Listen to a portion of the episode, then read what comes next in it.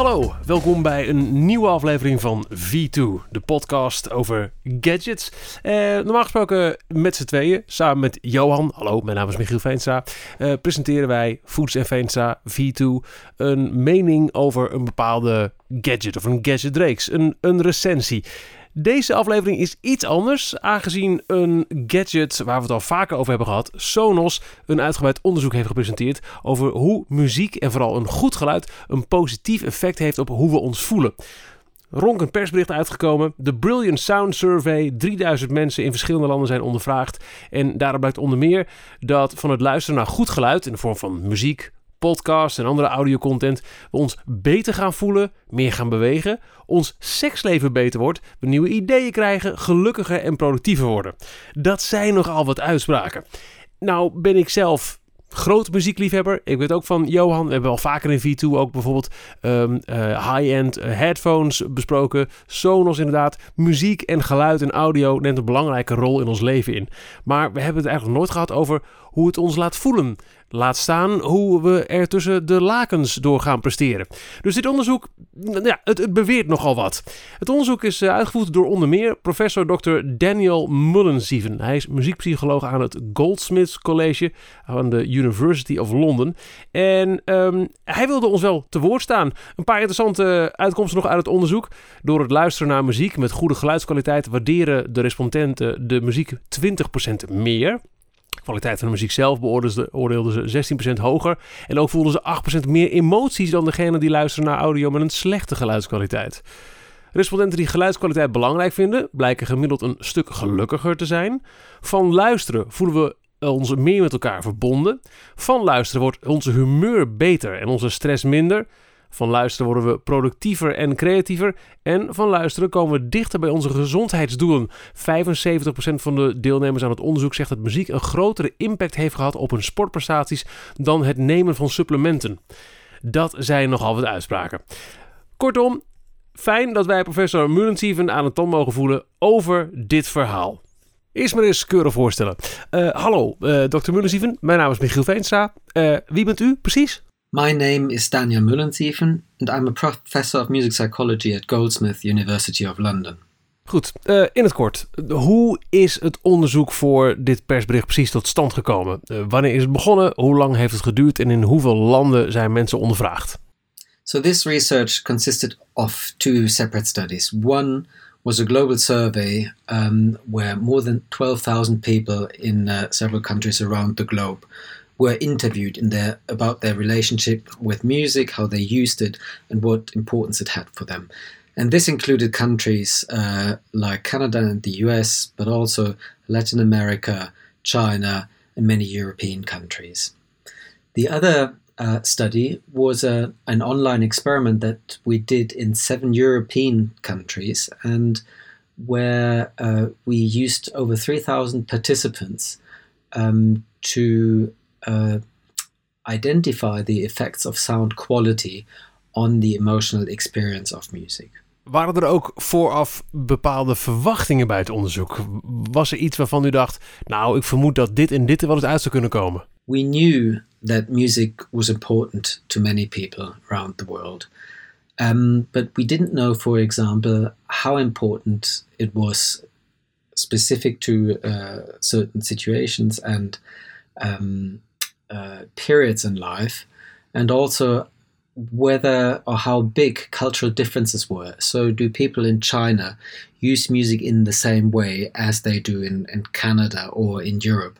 Or does it really depend on the type of music that you listen to and that you're familiar with, how you're using it? Het staat niet meteen in het persbericht, maar wat we wel hebben begrepen over het onderzoek is dat sommige van de respondenten liever naar muziek luistert dan koffie drinkt, tv kijkt of zelfs seks heeft. Hoe kan dat? There were quite a few interesting results coming out from the global report. Um, and most respondents uh, told us how it, that music was really very important in their life. So there were several questions comparing the effects of music to other um, stimulants that the participants would uh, regularly have experience with. For example, um, a large proportion of people said that listening to the right song um, in a work situation would boost their productivity at work more than a cup of espresso, which I found really surprising. But uh, this is actually possible um, because coffee has obviously a, a, stimulating and arousing effect. But uh, music, in addition to uh, having uh, a stimulating effect, can also induce a very positive feeling. So it's not just the general arousal level that gets heightened from music, but um, you can also get in a very positive mood, which would boost uh, productivity as well. But also, people said that they uh, rated music more highly in uh, certain situations. For example, uh, regarded as more important than watching TV, or uh, compared it also to uh, the stimulation by sex. But obviously, that that depends very much on the person and the situation. But the bottom line is that in all countries surveyed around the globe, regardless of the musical culture, uh, people know about the strong effects of music and they use it in their daily life. Laten we het even gaan hebben over het impact van geluid en dan goed geluid op het, het gevoel en de hersenen. Volgens het onderzoek is een meerderheid van de respondenten gelukkiger als ze luisteren naar hun favoriete liedje, 52%. En dat goede muziek hun werkethos, hun, hun, hun uh, gevoel op het werk positief beïnvloedt. Dat zegt 58%. Hoe kan het dat er zo'n sterke connectie is tussen muziek en gevoel, gemoedstoestand? There's a strong connection between music and our mood. And that has uh, two reasons, or there are two mechanisms by which music can affect our mood and emotions. One is a direct physical route. Um, so, for example, loud music has a direct effect on our central nervous system, and we um, respond very directly to the volume of the music or the roughness of the music, whether it sounds pleasant or unpleasant. And that is almost universally true. But then there's um, another level of music or another layer, and that's one of cultural uh, emotions that are coded. So we know that uh, people, the singer and artist, they uh, aim to or intend to transmit emotions through music, and we as listeners we uh, can be receptive to these emotions.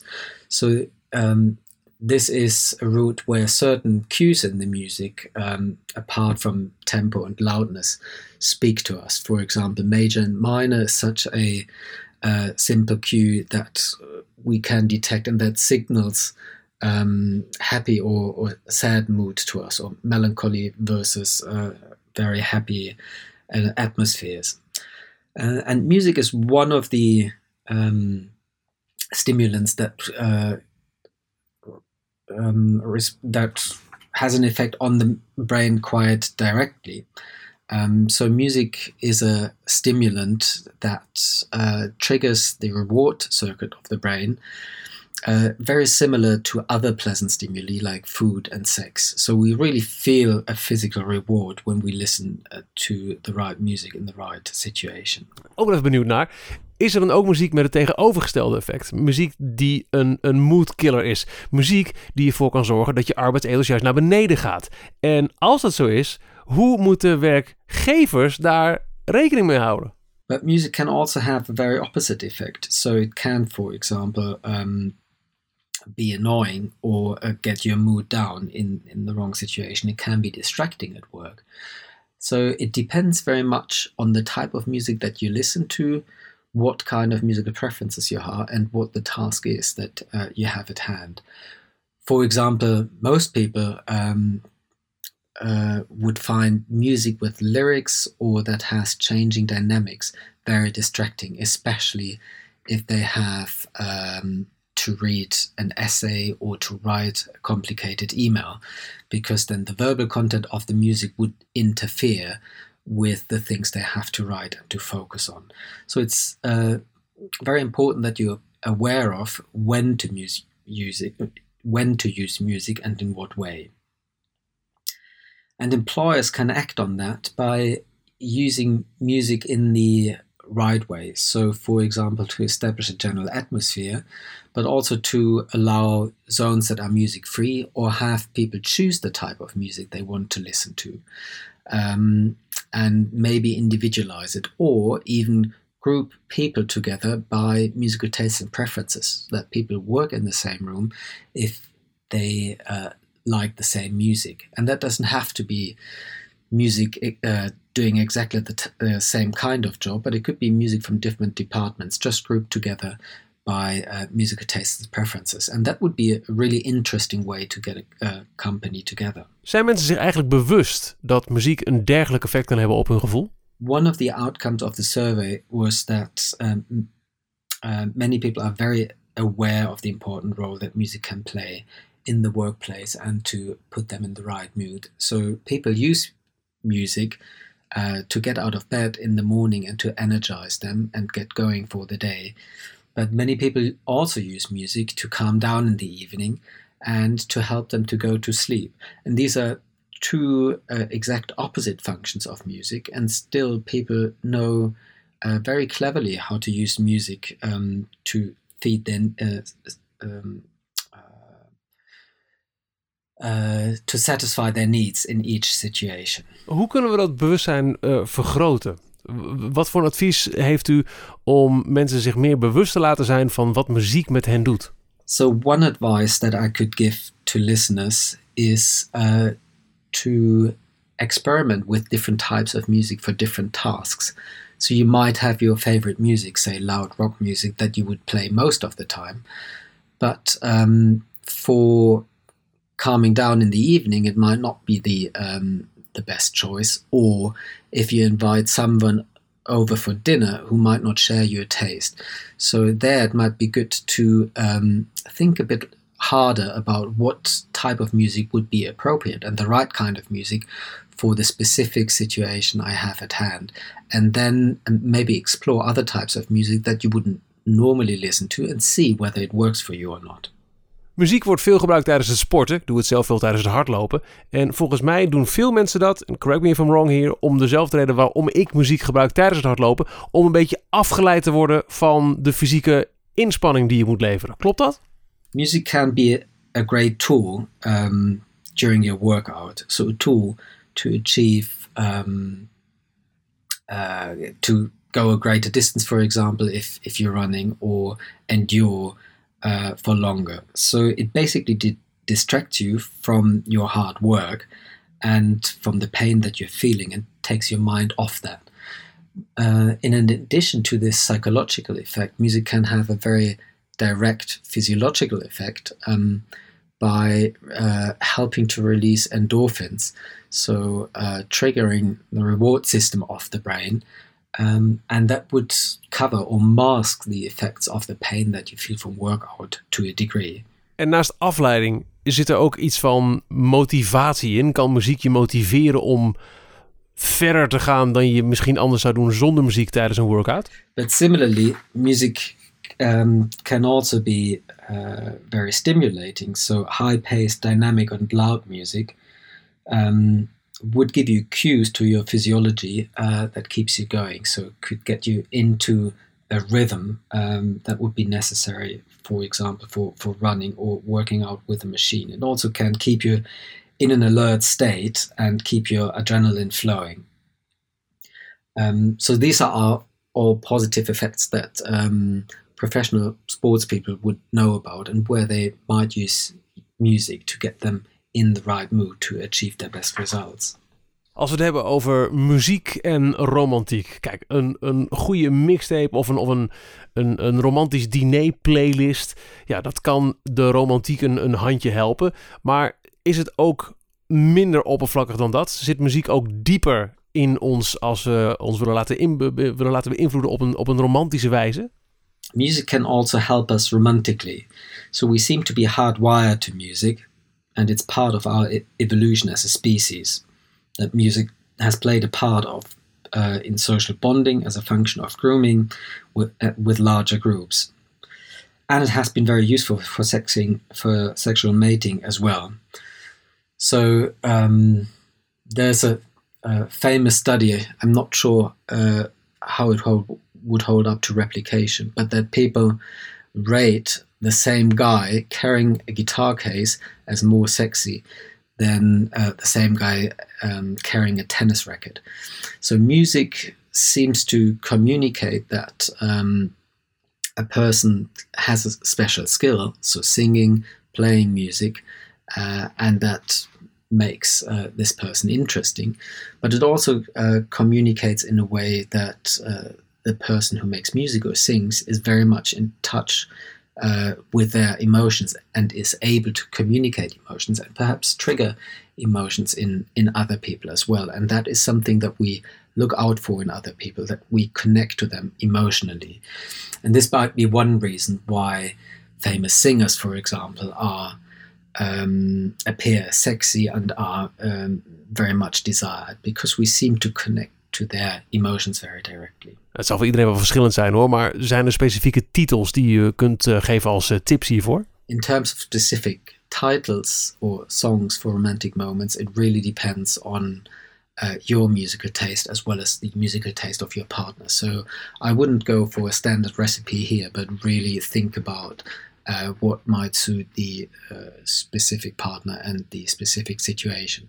But obviously, there um, are certain uh, performers like uh, Marvin Gaye, for example, who are very much associated with a sexy sound and have used uh, lyrics of that type and that uh, artist image and persona very much linked to romantic moments.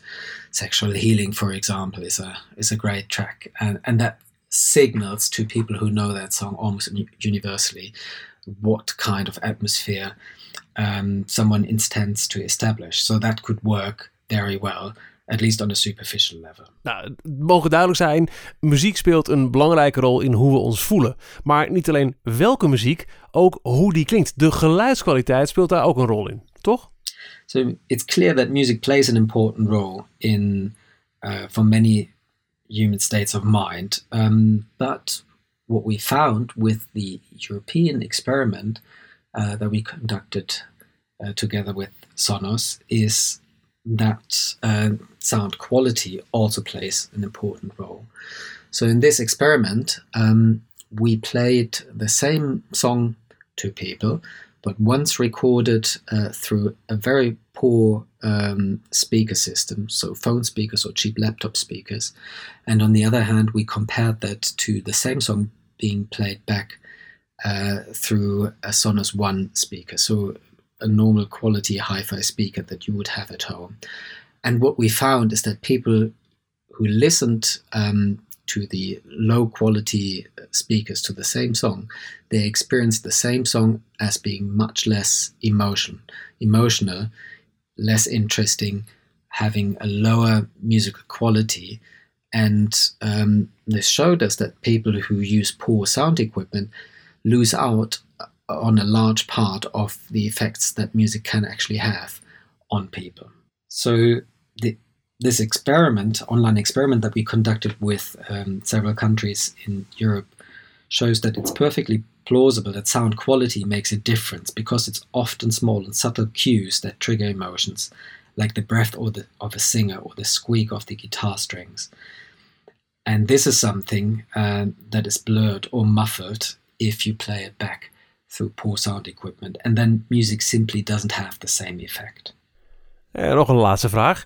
Naar welke muziek luistert u zoal? En heeft het u ook geholpen in uw mindset?